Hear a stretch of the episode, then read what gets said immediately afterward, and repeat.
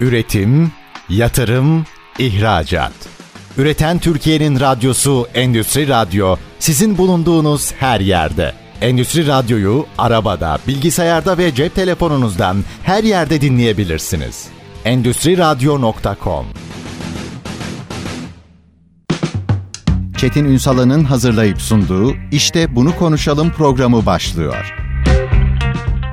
İşte bunu konuşalımdan merhabalar. Türkiye'nin gerçek gündeminde birlikteyiz. Efendim lojistik konuşuyoruz. Lojistik çok şey konuşuyoruz Türkiye adına. Umutlu olduğumuzda bir sektör. Bunu da bir koyalım. Ama orada yapısal sorunlar ve yapısal sorunların mutlaka halledilmesi gerekiyor. Yapısal sorunlar dediğimiz özellikle karayolu taşımacılığını söz konusu ettiysek orada her yolda gördüğünüz neredeyse 10 kamyondan 9'u esnaf. Yani her biri bir müteşebbis. Bütün bunları konuşacağız. Yani bir tarafta boş gelmeler var. Eskisi gibi o dolu gittim dolu geldimler olmuyor. Bir takım sıkıntılar var. Onların çözülmesi gerekiyor. Öbür taraftan baktığınızda ne kadar vefalı bir esnaf grubuyla karşı karşıya kaldığımızda sadece depremi konuşsak galiba yetiyor. Hiçbir şey gözetmeden hiçbir beklentiye girmeden hemen bölgenin yardımına koşan bir esnaf grubu. Biz bunları konuşacağız. Bugün Türkiye'nin kamyoncu esnafını, kamyon taşımacılığını, aslında lojistikle ilgili karayolunda özellikle nasıl yapılanmamız gerektiğini eksiğiyle fazlasıyla her şeyiyle mercek altına alacağız. Çünkü bu konuyla ilgili herkes konuşuyor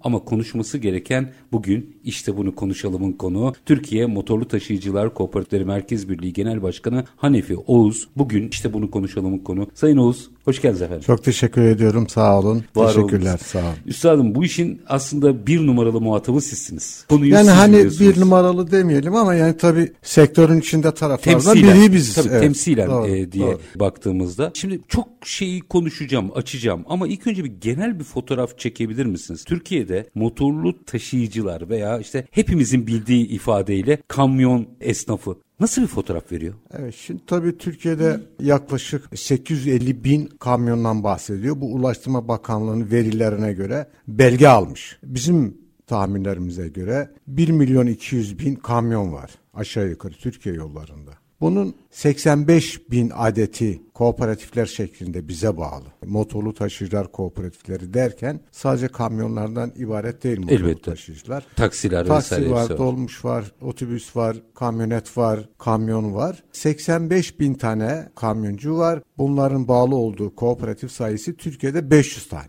500 tane kooperatif var ama bunlar bu kooperatiflerin çoğu kurumsallaşmış, idari binası olan, lokali olan, Merkezi garajı olan, yani. merkez tabi idari bina dediğimiz işte hı hı. muhasebeden tut yönetim bütün binası orada. Çoğunluğu hemen hemen belki nadir hani böyle küçük ilçelerde kurulmuş oradaki sanayi bölgesinde bir kooperatif kurulmuşsa belki biraz zayıflık olan yönü odur ama büyük yerlerde gerek limanlarda gerek gümrük sahalarında gerek sanayi bölgelerinde gerek de farklı bir dalda çok ciddi kooperatiflerimiz var ve bunların hepsi de kurumsallaşmış çok güçlü teşebbüsler. Ve bu 500 kooperatif size bağlı zaten. Bize bağlı Onun ama sadece organik olarak biz kamyoncu yönünü alıyoruz ama kamyoncu niye çok alıyoruz? Çünkü kamyoncunun kendine ait bir fiyat tarifesi yok. Dolayısıyla olarak kamyoncu yıllarca ihmal edilmiş Türkiye'de. Yani karayolu taşıma kanunu bile yokken işte 2003 yılında mevcut hükümetin o dönemde Ulaştırma Bakanı Binali Bey bu işe el attı. Yani sağ olsun en azından bu sektöre bir yasa getirdi. Talat Aydın galiba Talat Aydın evet Talat Aydın Bey bu 4920 sayılı karayolu taşıma kanunu mimarı öyle diyeyim. Hı hı. Onu dönemde ciddi anlamda üzerinde duruldu. Kurumsallaşmaya gitti. Ama maalesef gelinen noktada şu anda bizim istediğimiz yani çünkü karayolu taşıma kanunu çıkında 3 saç ayağı vardı. Bir mesleki yeterlik, mesleki saygınlık ve mali yeterlik. Yani mesleki yeterlik şu eğer bir kamyoncu kamyonculuk yapasa mesleğini hakkıyla yapmasıyla ve bunu meslek olarak yapmak. Bir mali yeterlik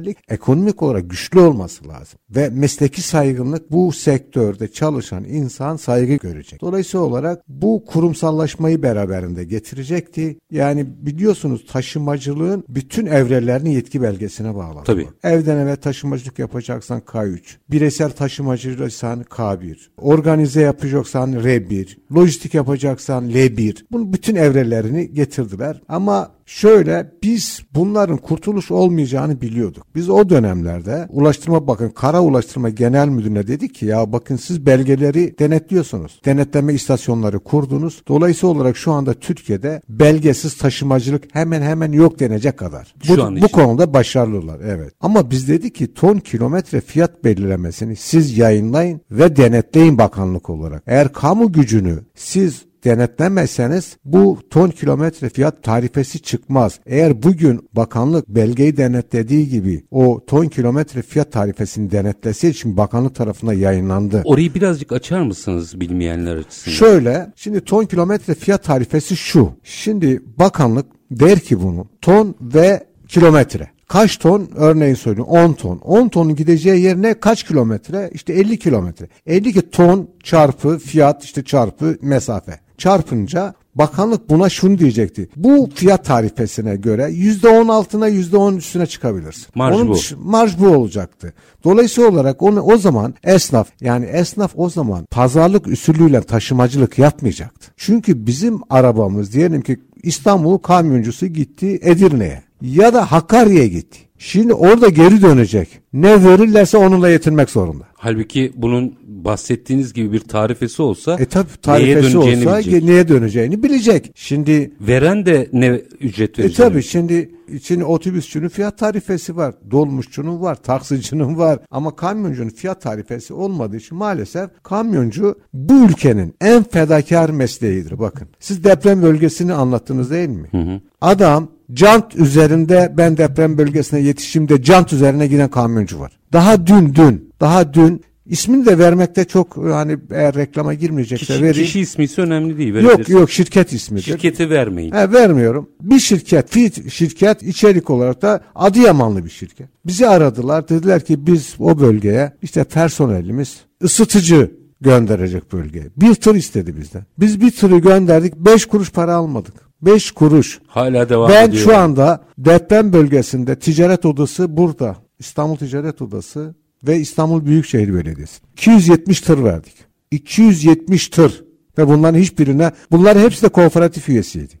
Daha dün gönderdiğim tırı da gene kooperatif üyesini gönderdim. Beş para almadık. Yok o konuda Şöyle yani hani teslim ediyor. sektörün sektörün bu kadar fedakar olması ama maalesef gerek yani hani hükümet diyeceğim çünkü başka da bizi yöneten başka kimse yok. Biz gereken ilgiyi görmüyoruz. Neye ihtiyacınız var? Şöyle bakın neye ihtiyacımız var? Bir kere bir fiyat tarifemiz yok. Bu bir. Bu bir. İkinci bir olay kamyoncuya ucuz kredi desteği vermesi lazım. Yenileme Arabasını için yenilemek için.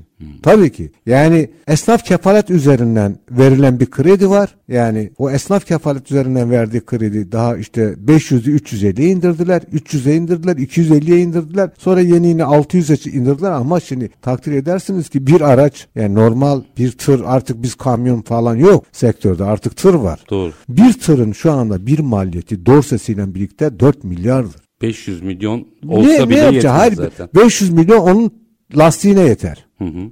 Yani 500 milyon lira lastiğine yeter. O bir çare değil. Biz şunu önerdik. O dönemin bakanlığı dedi ki yani ucuz kredi kamyoncuya ver. Kamyoncu bunu çalışarak öder zaten. Çünkü kamyoncunun ekmek teknesi kamyonu. Tabii bakmak zorunda. Bakmak zorunda ve ona zeval gelmesini istemez zaten. Kamyoncu kendi ekmek teknesine haciz yermesini ister mi? İstemez. Ama bu Avrupa'daki gibi çünkü şu anda bakın sektörde şu anda 1970 model araçlar var. Halen. Türkiye yollarına ve bu milli servete zarar veriyor. Yakıtıyla, şeyiyle, Yakıtıyla her şeyle. veriyor, şeyle veriyor, sürücüsüyle veriyor, yola veriyor, bir şekilde veriyor yani. Karbon emisyonuyla E, her falan. şeyi her şeyle çıkar. veriyor. Ama bunu maalesef yani bizdeki yapı hani böyle bir ağlama duvarı da olmak istemiyoruz ama Estağfurullah. maalesef maalesef yani bu bu konuda e, munzaripiz. O zaman şöyle yapalım mı Sayın Başkan? Bir araya gideceğim reklam Tamam, arasına. tamam. Aradan geldikten sonra Avrupa'ya atıfta bulundunuz ya. Avrupa'da ne yapmışlar? Bir onu bir mercek altına Tabii, alalım belki. tabii, olur. Çözüm oradan çıkabilir. Evet. Efendim Türkiye'nin aslında taşıma gerçeğini, kamyoncu esnafı ve kamyon taşımacılığı üzerinden konuşuyoruz. Konuğumuz Türkiye Motorlu Taşıyıcılar Kooperatifleri Merkez Birliği Genel Başkanı Hanefi Oğuz. Kısa bir ara lütfen bizden ayrılmayın. Üretim, yatırım, ihracat. Üreten Türkiye'nin radyosu Endüstri Radyo sizin bulunduğunuz her yerde. Endüstri Radyo'yu arabada, bilgisayarda ve cep telefonunuzdan her yerde dinleyebilirsiniz. Endüstriradyo.com Kısa bir aranın ardından işte bunu konuşalım demeye devam ediyoruz. Türkiye'nin kamyoncu esnafı ve kamyon taşımacılığı gerçeğini aslında belki kooperatifler üzerinden konuşmak lazım. Türkiye Motorlu Taşıyıcılar Kooperatifleri Merkez Birliği Genel Başkanı Hanefi Oğuz konuğumuz. Şimdi araya gitmeden önce aslında 2003'teki o 3 maddelik hamleyi çok net ortaya koydunuz. Ama dediniz ki geldiğimiz noktada fiyat başta olmak üzere halledilemeyen fiyat ve yenileme. Yenileme de çok önemli. Halledilemeyen sorunlarımız var. Ve orada Avrupa'ya atıfta bulundunuz. Avrupa ne yapmış? Şimdi tabii Avrupa şöyle. Şimdi Avrupa'da bizim kadar çok böyle işte büyük şirketler, çok şirketli bir, bir yapı yok orada. Orada lojistik ve antrepoculuk, depoculuk yaygın. Ve Avrupa'da bir ülkede en fazla en fazla hadi bir ne bileyim 15 tane şirket var bu işi yapan. Ama kurumsallaşmış lojistik bütün lojistik hizmetlerini veriyor. Yani taşımacının bütün çeşidini yapıyor. Ha Türkiye'de de yeni yeni bazı firmalar buna dayattı. Dediler ki ya biz pancarımızı size taşıtıyoruz ama pancar sökümünü kim yapacak? Şimdi eskisi gibi artık böyle insan gücüyle sökülmüyor. Gerek de yok zaten. Gerek de Teknoloji yok. var. Evet. Gittiler o kurumsallaşmayla beraber bazı kooperatiften gitti Almanya'da pancar söküm makinesi aldılar. Mecburen aldılar. Yoksa pancar pancarın sahibi neyse pancar üreticisi dedi ki kardeşim ben taşımacılığı sana veriyorum ama sökümü de sen yapacaksın. Çünkü taşımacılık komple bir taşımacılık. Kombine bir taşımacılık. Avrupa'da bu çok yaygın. Kombine ve komple taşımacılık. Şimdi adamın burada diyelim ki siz burada bir soba göndereceksiniz. Örnek söylüyorum Van'a. Senin burada nakliyeci kamyoncu aramana gerek yok. Girersin internete. Adam gelir buradan araba şeyini alır. Götürür deposuna kur. Ne zaman ki müsait olursa kargo gibi. Yani hani kargoya nasıl yük veriyorsa, nasıl çağırıyorsa adam gelir arabayı buradan alır, küçük arabasıyla alır, götürüp antroposuna koyar. Ne zaman araba o yönde, büyük arabası neyse tırı, kamyonu o tarafa giderse o sobayı da yükler, götür bütün hizmetini evine kadar götürür. Yani şöyle, şimdi Avrupa'da eğer siz mağazanıza elbise gidecekse onu askılamasını, onu gidip oradaki mağazanın reyonuna kadar bütün hizmeti senden istiyor. Bizde halen bu olmuyor. Bizim böyle babadan kalma usullerle taşımacılık maalesef gelişim iyi. Hani çok kötü de demiyorum ama halen de öyle. Halen bazı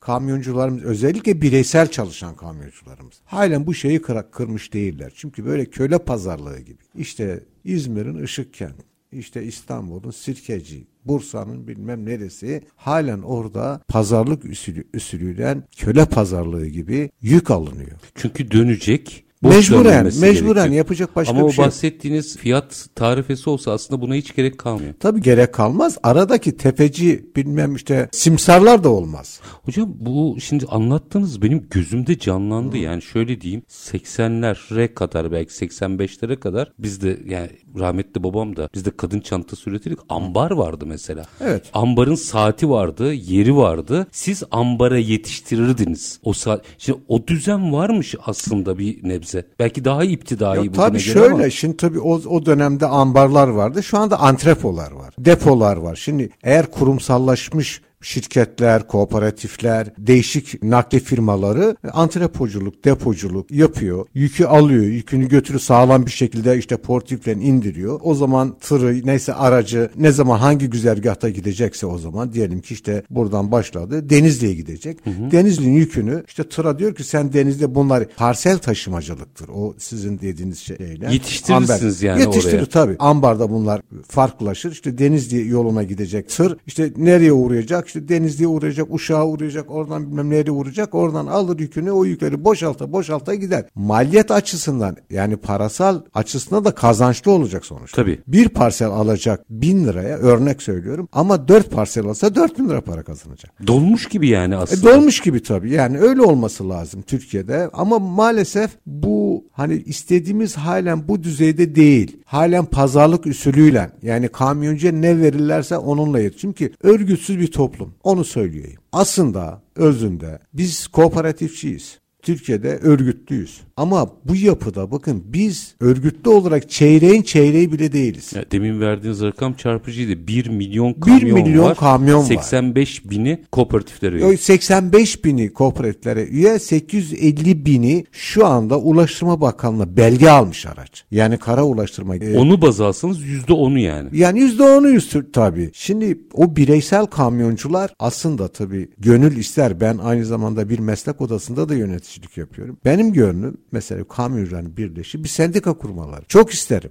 İnan bunu isterim. Çok isterim. Bireysel kamyoncular. Bakın kooperatifin, diğer büyük firmaların, lojistik firmaların en büyük ve sektörde bu kadar ne verilirse pazarlık usulüyle yapılmanın önündeki tek engel bireysel kamyonculardır. O zaman yenileme de olmuyor tabii. Tabii Para yenileme. kazanamıyor ki. Çünkü kazan. Bakın hiçbir kamyoncu, hiçbir tırcı, kamyoncu neyse, hiçbir tırcı, hiçbir kamyoncu ya ben bu mesleği işte aracımı yenileyeyim ve bunu da çocuğuma bırakayım meseleye bakmıyor öyle. Diyor ki ya nerede biterse ben yaşlandım, bittim ondan sonra benim çocuklarım da bu işi yapmayacak. Ben de aracım işte o zaman da işte satarım bu mesleği bırakırım. Yani günlük Ve öyle bakıyor. Günlük nafaka olunca da Tabii öyle bak. Ama kooperatif, kooperatif üyesi öyle bakmıyor. Kooperatif yapısı örgütlü, kendisine ait öyle veya böyle yasal olmasa dahi bir fiyatı var. Kooperatif bir fiyat belirler. Her ay zam gelince o fiyatına yansır. Ama orada da şimdi bu anlattığınız yapı içerisinde çok ciddi bir haksız rekabet var. E var demektir. tabii haksız rekabet var. Yani Olmaz siz mı? bir fiyat deklare ediyorsunuz ama o anda atıyorum rastgele söylüyorum illeri Erzurum'dan İstanbul'a dönecek olan veya Erzincan neyse rastgele attım illeri ve boş dönmek istemeyen bir bireysel kamyoncu verilen fiyatı kabul ediyor. E tabii ki. Tabii ki ediyor. Bizde şimdi tabii biz kooperatifler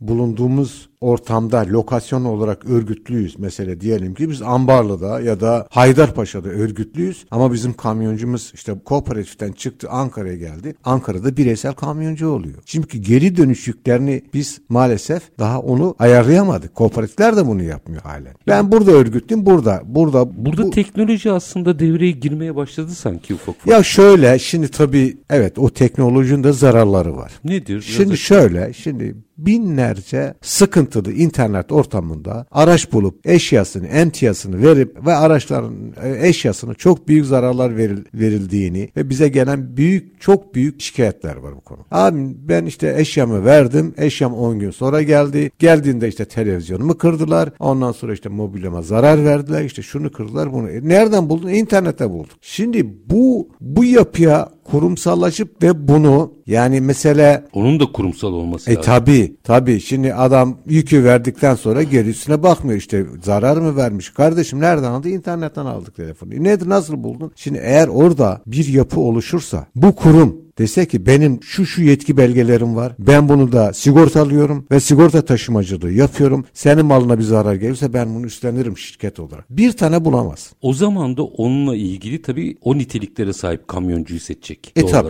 E tabi. Yani şimdi taksici esnafını düşünün ya da minibüsçü esnafını düşün değil mi? Onların bağlı oldukları bir meslek odaları var. O meslek odalarının en üstte bir disiplin kurulu var. Şimdi eğer taksici müşteriye yanlış davrandıysa plakasını alıyor meslek odasına bildiriyor. Meslek odası ona gereken cezayı kesiyor. Hemen trafik şubeyle ilişkiye geçiyor. Tra- trafik şubeyle ilişkiye geçiyor. Şoförü çağırıyorlar ya da mal sahibini çağırıyorlar. Diyorlar ki mal sahibine kardeşim senin şu aracı şu plakalı işte sirkecide şu adamı hakaret etti. Ya da şuna şunu yaptı ya da fazla para aldı. Dolayısıyla olarak o disiplin kurulu cezayı kesiyor ve bu ceza katıdır yani. Şeyi yok. Bu arada bu konuyla ilgili galiba en ürkütücü de minibüsçüler ve saat. Evet. Yani ben son dönemde değil yıllardır görürüm saat tutturmaya çalışan. Bir de tabii şimdi hani bunu iyi niyetle kötü niyetle kullanan vardır ayrı konu ama hani İstanbul trafiği içerisinde nasıl cebelleştiklerini ben görüyorum. Evet yani tabii yani şöyle şimdi Ama tabii- yapılabiliyor evet, yani. Evet Şimdi gerek taksici esnafında, gerek kamyoncu esnafında, gerek minibüsçü esnafında, gerek otobüsçü esnafında bu tür eksikler, insanlara farklı davranmalar bilmem ne yok mu var. Yani her sektörde Tabii ki var. Bizde de biraz daha maalesef kültürel yapı ortada olduğu için maalesef bizde biraz daha fazla var. Bu anlamda bizim bütün meslek odalarımız ve kooperatiflerimiz gerçekten canı gönülden çalışıyorlar. Gerçekten bu sektöre hani ben mesela biz biz Türkiye Kooperatifler Merkez Birliği olarak biz her yıl eğitim seminerleri veriyoruz. Bu eğitim seminerlerini Antalya'da yani 20 21. sefer verdik. Bu Kasım'ın 14'ünde zaten verdik. Ne anlatıyorsunuz Sayın Bakın biz Başkan? Türkiye'de Türkiye'de ve dünyada taşımacının geldiği yeri anlatıyoruz. Türkiye'de ileride taşımacının gelecek noktayı da anlatıyoruz. Taşımacının bu şekilde gitmeyeceğini de anlatıyoruz. Diyoruz ki taşımacılık artık bizim bildiğimiz Karadeniz'de hamsi kasalarını attın arkaya kamyonun arkasında açık bir şekilde suyun yarısı asfalta döküldü. Yarısı bilmem nerede oldu. Kokudan geçmiş. Artık taşımacık bu evrede değil kardeş. Siz eğer hamsi taşıyacaksan sen frigolu araç kullanacaksın. Narince taşıyacaksan frigolu araç kullanacaksın. Antalya'da meyve sebze taşıyacaksan kardeşim frigolu araç kullanacaksın. Sonuçta bakın biz eğer uymazsak bizi uydururlar. Yabancı güç gelir buraya girer ve bizde kapı kulu. Yani bir standart gelir illaki diyorsunuz. Evet. Çünkü burası göz ardı edilebilecek Göz bir ardı pazar ede- değil. değil. Pazar değil çünkü bakın Türkiye jeopolitik olarak çok hassas bir yerde. Orta Doğu'ya giden bütün şeyler buradan gidiyor. İran, Irak, Suriye, Mısır bu tür yerlerden bütün karayolu taşımacılığının yüzde doksanı e, Türkiye üzerine. Türkiye üzerinden gidiyor.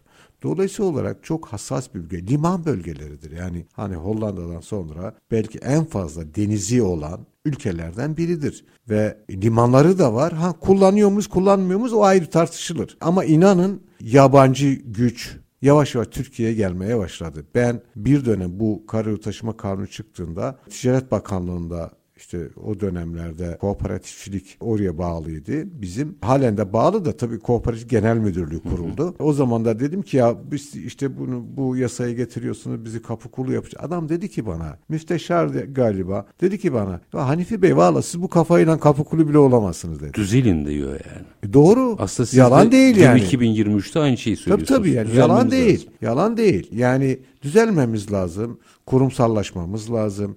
Taşımacılığı artık komple veya kombine bir taşımacılığa döneceğini artık anlamamız gerekiyor. Orada minik bir araya gideyim. Aranın ardından şunu konuşalım mı? Hani mesela taksilerde kısa mesafe vardır ya. Biz kara ulaştırmayı da aslında entegre sistem içerisinde kısa mesafelerde yapacak formüller bulamaz mıyız? Demir yoluyla, deniz yoluyla bağlan. İşin bu boyutunu da biraz açmanızı Tamam. rica edeceğim ama minik bir araya gidelim. Aranın ardından konuşalım. Efendim konuğumuz Türkiye Motorlu Taşıyıcılar Kooperatifleri Merkez Birliği Genel Başkanı Hanefi Oğuz. Kamyon taşımacılığı başta olmak üzere aslında lojistiği konuşuyoruz. Kısa bir ara. Lütfen bizden ayrılmayın. Üretim, yatırım, ihracat. Üreten Türkiye'nin radyosu Endüstri Radyo sizin bulunduğunuz her yerde. Endüstri Radyo'yu arabada, bilgisayarda ve cep telefonunuzdan her yerde dinleyebilirsiniz. Endüstri Radyo.com Kısa bir ardından işte bunu konuşalım demeye devam ediyoruz. Türkiye'nin kamyoncu esnafı ve kamyon taşımacılığı gerçeğini aslında üst perdeden lojistiğini konuşuyoruz. Kıymetli bir konuğumuz var. Türkiye Motorlu Taşıyıcılar Kooperatifleri Merkez Birliği Genel Başkanı Hanefi Oğuz bugün konuğumuz. Şimdi araya gitmeden önce sormuştum ben dinleyicilerimiz için bir daha hatırlatayım soruyu. Şimdi evet belli başlı sorunlar var. Fiyat, yenileme vesaire bunlar ve tabii birlikte hareket edebilme. Birazcık resmi büyüteceğim. Kamyoncu esnafı veya motorlu taşıyıcıları diyelim daha kısa mesafelere entegre edebileceğimiz böylece aslında karbon ayak izinden yakıt tasarrufuna kadar birçok şeyi yapıp taşıyanı da para kazandırabilecek bir sistem. Entegrasyon yani deniz taşıma, demiryolu taşıma vesaire ve karayolu taşıma. Bu entegrasyonu havada dahil bir türlü tam oturtamadık. Niye? Şimdi tabii şöyle, şimdi Türkiye taşımacılığı maalesef halen yüzde 94-93 karayolu yapılıyor. Gerek yük gerek yolcuda. Tabii, tabii, İkisinde tabii. de öyle. Tabii, tabii. Şimdi bu modlar arası bir dengesizlik var. Avrupa'da böyle değil. Avrupa deniz taşımacılığı yüzde 15, demir demir yolu taşımacılığı yüzde 20, karayolu taşımacılığı yüzde 65, yüzde 60 60'larda. Türkiye'de yüzde 93'te. Dolayısıyla olarak biz en ucuz taşımacılık şu anda dünyada da öyle. Yani bizim Amerika'yı da keşfetmemizin bir anlamı yok. Demiryolu. Demiryolu taşımacılığı. En ucuz demiryolu taşımacılığı. Şimdi bu modlar arası denge ve bu birbirine bağlayan demiryolu, hava yolu, deniz yolu, karayolu bu entegrasyonu eğer Türkiye'de sağlanırsa bunu herhalde öyle tahmin ediyorum yeni hava alanıyla birlikte bunu galiba adımını attılar. Yani deniz yolu, karayolu ve hava yolu. Boru sistemi Türkiye'de yok. Avrupa'da boru sistemi de var. Yani boru sistemi taşımacılığı da var. Biraz açın. Boru sistemi şöyle. Şimdi tabii bizde hani şey altında işte Marmara Ray gibi orada da yük taşınıyor. Yani Doğru. o sistem Türkiye'de halen yok. Demiryolu taşımacılığına bazı firmalar yani vagon kiraladı ve vagonla taşımacılık yapıyorlar halen var. Deniz yolu taşımacılığı da aslında Türkiye'de çok fena değil. Bazı limanlarımız iyidir. Limanlarda yani özellikle konteyner taşımacılığı bayağı yaygındır yapılıyor. Ama şunu diyeceğim bakın Türkiye'de demin de dedin hani cross marketler işte kipalar hani isim marketler vermeyelim. böyle evet çok yaygınlaştığında o dönemde işte üretim kooperatifleri bir araya geliyorlar. Diyorlar ki ya bitiyoruz. Yani ne yapacağız peki? Bu, bu, bu yapı işte geldi biz artık kuru fasulyemizi ya da incirimizi ya da üzümümüzü satamaz duruma düşeceğiz. Nasıl edeceğiz falan. O dönemde Milli Kooperatifler Birliğimizin bir genel sekreteri var Leyla Hanım. Leyla Hanım bir konsolos eşiydi ama kooperatifçiliği çok iyi biliyordu. Yani sağsa kulakları çınlasın. Leyla Hanım'a gidiyorlar. Leyla Hanım diyor ki ya suç sizde diyor. Ya nasıl bizde diyor suç yani biz ne yaptık ki? Siz eğer birleşseniz diyor 40 tane işte o Market. market açarsınız Türkiye satında satında onların yerine siz doldurursunuz. Ama siz birleşmediğiniz için onlar geliyorlar hayat boşluğu tanımaz. Ve taşımacılık sektörü de. Bir de Sayın Başkan orada birleşmeyi de tam algılayamıyoruz. Mesela burada ortak satın almalar, orta bir tür kümelenmeden E bahsediyoruz tabii yani aslında. şimdi kooperatifler zaten küçük sermayelerini bir araya getirir. Yani bir şahsın bir bireyin tek başına yapamadığı, yapamadığı birleşerek, dayanışarak yapılan bir iştir Doğru. kooperatif. Bu kadar basit aslında. Bu kadar basit. Aslında bizim geleneksel köklerimizde var işte imece var. Tabii. Bir ahi evren değil mi yani? Tabii, Şimdi tabii. Bu böyle bir kültürümüz var bizim aslında. Buradan feyz alınabilir rahatlıkla. E tabii aynı rahat, mantık. çünkü. aynı mantık zaten. Dolayısıyla olarak eğer o kooperatifler işte üretim kooperatifler işte Aydın'daki diyelim ki incir kooperatifi işte bilmem neredeki kuru fasulye kooperatifi neredeki nohut kooperatifi o yani bu kooperatifler birleşmiş olsalardı bu yabancı sermaye belki Türkiye'ye girmeyecekti. Ya da giremeyecek çünkü saha dolu. Ama hayat boşluk tanımıyor. Dolayısıyla olarak bu karayolunda da bu tür şeyler olabilir. Yani gelirler bir tane firma bulurlar bir evlilik yaparlar. Dolayısıyla olarak Türkiye taşımacılığını adam Tarsus'tan Narince taşıyacaksa o lojistik firması oraya 50 tane araba gönderebilir. Ve oradaki kooperatifte Bekler. bekler. Ya da eğer iş olmayınca ne yapacak kooperatif? Kapanır. Kapanır. Dolayısıyla olarak bu hayat boşluğu tanımaz. Bakın Avrupa'da demin reklam arasında söyledim size. Bakın tüm dünyada Avrupa'da kooperatiflerin bankası var. Kooperatiflerin birçoğunun özellikle sigorta sektöründe birçoğunun kökeninde kooperatifçilik Tabii var. tabii tabii. Birçoğun kökeninde kooperatifçilik var. Ama burada kooperatifler tabii oradaki bilinçle alakalı, bilgiyle alakalı. Zaten kooperatifleşmenin yoğun olduğu yerleri söyleyeyim Türkiye'de. Trakya, Güney Marmara, Ege, Doğu Marmara, Doğu Karadeniz'in bir kısmı, İç Anadolu'nun bir kısmı maalesef Doğu ve Güneydoğu Karadeniz'de maalesef kooperatifçilik çok az. Hani yok demiyorum ama çok az. Örgütleme modeli de öyle. Yani kooperatif diyelim ki kuruldu bir üst birliğine üye olması lazım. Üst birliği merkez birliğine üye olması. Bu konuda devletin de bu zorunlu yani çünkü bizimki gönül birlikteliğine bağlı. Biz gönülle birbirimize bağlıyız. Zorunlu bir birliktelik yok. Diğer şimdi Türkiye'de 24 iş kolunda kooperatifçilik var. Esnaf kefalet var, yapı var, orman var, köy var, tarih var, pancar üreticileri var, süt üreticileri var, hayvan yetiştirme kooperatifi var da var. Biz onların taşıma koluyuz. Aslında kooperatifler türleri olarak da kendi aralarında bu dayanışma zaten kooperatif amacı da dayanışma. Tabii. Bu dayanışmayı sağlarsa yine Türkiye'de çok çok ciddi şeyler yapılabilir. Yani mesela tarım kredi kooperatifleri var değil mi? Şimdi mağazalar açıldı. Oranın taşımacılığını bize verse Ha birbirlerine iş paslasalar Tabii. aslında konu ama kapanacak. ne yaptılar? Onlar gittiler bir tane lojistik firması kurdular. Gibi. Kendi işlerini kendileri yapıyorlar. Ha doğru doğru olan da odur aslında. Yani madem böyle bir şey varsa ben de kendi bünyemde bunu kurarım. Dendi bu. Bu yapıldı. Şimdi bakın biz artık dijital bir dünyaya gidiyoruz. Dünya çok küçük. Her şeyin bir telefonla hal, hal olduğu bir döneme giriyoruz. Dolayısıyla olarak bu kadar teknolojinin, bu kadar bilgisayarın, bu kadar internetin, bu kadar artık bilmem ne zekasının yaşandığı bir, bir dünyada her şey çok küçüldü. Dolayısıyla olarak eğer kurumsallaşmazsak biz Türkiye'de maalesef birçoğumuz ayakta kalamayacağız. Yani kooperatifler belki bir nebze kendi örgütsel gücünü kullanarak orada o yapının içerisindeki o yapıyı lokasyon olarak belki kendi varlığını orada sürdürebilir. Ama amaç hasıl olmayacak. Ama amaç yani üyenin kamyon, ama üyesi oraya orada değil de başka bir yere gidince o da bireysel bir kamyoncu olacak. Dolayısıyla olarak o zaman da yine yabancı sermaye ya da ya- yabancı menşeli ya da da- devasa bir şirketin kapı kulu olacak yani. O kooperatif orada kurulmuş, orada bireysel olarak örgütlü de dışarıdaki genel bir örgütlüğü yok. Yani aslında temel sorun anladığım kadarıyla organizasyon Evet. yapıyı yeniden revize Tabii etmek tabii. gerekiyor. Yani artık bizim dijital bir dünyada yer almamız lazım. Bu koop- bizim böyle bir çalışmasımız var işin doğrusu. Biz kooperatifler olarak Özge Merkez Birliği biz hani burada ilk söylüyorum. Biz büyük diye bir dijital bir platform oluşturduk. Taşıyanla taşıtanı bir araya getireceğiz. Ve biz bununla herhangi bir bedel almayacağız. Yani sahibinden.com gibi ya da başka bir- Markalara Ama girmeyelim. pardon.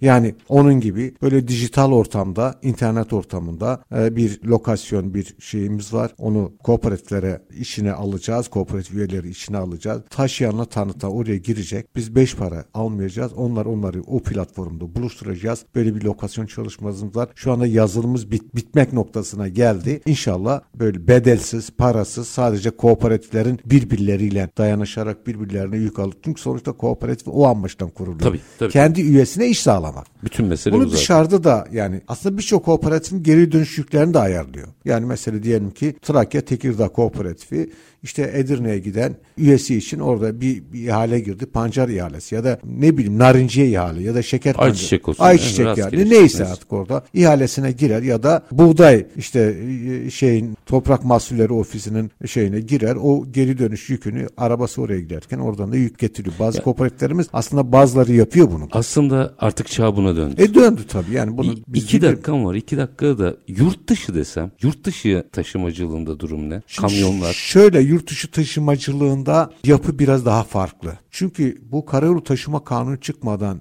evvel de yani yurt içinde karayolu taşıma çıkmadan evvel yurt dışının karayolu taşıma kanunu vardı zaten Avrupa'da. Yani uymak zorunda. Norm vardı zaten. Norm vardı. Yani onların da örgütlü olduğu bir ÜNEDE diye bir Uluslararası Nakliyeciler Derneği var. Onlar da bayağı iyiler bu konuda. Şimdi Çetin Bey'in başkan olduğu dönemlerde kendilerini ziyaret etmiştik. Hani siz bunu çözdünüz Avrupa'da ama biz Türkiye'de halen çözemedik. Ya nasıl yaparız diye bir fikir Nuhoğlu Çetin. Nuhoğlu Çetin evet. Biz onunla bir fikir itaatinde bulunmuştuk. Yani onlar Avrupa'da uluslararası nakliyecilik yapanlar bu konuda iyiler. Yani orayı model alırsak içeriği çözebilir miyiz? Tabii ki şöyle şimdi bizim biraz bu gönül birlikteliğine dayalı bir birlikteliğimiz olduğu için bizim merkez birliğimizin ekonomik olarak altyapısı yok. Dolayısıyla biz teknik kadro oluşturamıyoruz. Belki Yani bunu kurgulamak bunu lazım. kurgulamak lazım. Bu teknik altyapıyı oluşturabilirsek biz biz Türkiye'de yani dediğim mesele bu platformla ilgili inşallah o oturacak. Biz taşıyanla taşıtanı bir araya bir platformda buluşturursak en azından orada hani bu platformda yani reklam da olsa en azından ayakta durabilir. Çünkü bu iş için bu sektörel yapıyla ilgili çalışması için bir sahada olmak gerekiyor. Sahada 3-4 tane insanı istihdam etmek gerekiyor. Bir sekreteryen olması lazım. Bu sekreteriyi oluştururken 3-4 tane insan olması lazım. Çok Ve haklısınız. istihdam etmek lazım. Dolayısıyla bizim bu konuda ekonomik olarak altyapımız iyi değil. Ekonomik altyapısı olmayan kurumlarında başarılı elde etme imkanı yok. Sayın Başkan çok çok teşekkür ediyorum. Yo, Bir rica kere ediyorum. Çok açık yüreklilikle her şeyi Çok anlattınız. teşekkür ediyorum. Aslında bu anlatımlarınız için yıllar içerisinde kazandığımız ya da kaybettiğimiz her şeyi de ortaya koydunuz. Biz de Yarına siz- ilişkin ne olacak onu da almış oldum. Evet, inşallah yani size de Endüstriyel Radyo'da dinleyenlere de çok çok teşekkür ediyorum. Var olun sağ olun. efendim. var çok çok teşekkür ediyoruz. Efendim biz bugün Türkiye'nin kamyoncu esnafı ve kamyon taşımacılığı meselesini mercek altına aldık. Her seferinde aslında müspet ya da menfi bir şekilde onlar gündeme geliyor ama onları dinleyen yok. Onları dinleyen yok ki biz dedik ki işte bunu konuşalım da onları dinleyelim. Bugün konuğumuz Türkiye Motorlu Taşıyıcılar Kooperatifleri Merkez Birliği Genel Başkanı Hanefi Oğuz'du. Biz konuştuk, takdir sizlerin. Her zamanki iyi bitirelim. İşinizi konuşun, işinizle konuşun, sonra gelin işte bunu konuşalım. Hoşçakalın efendim.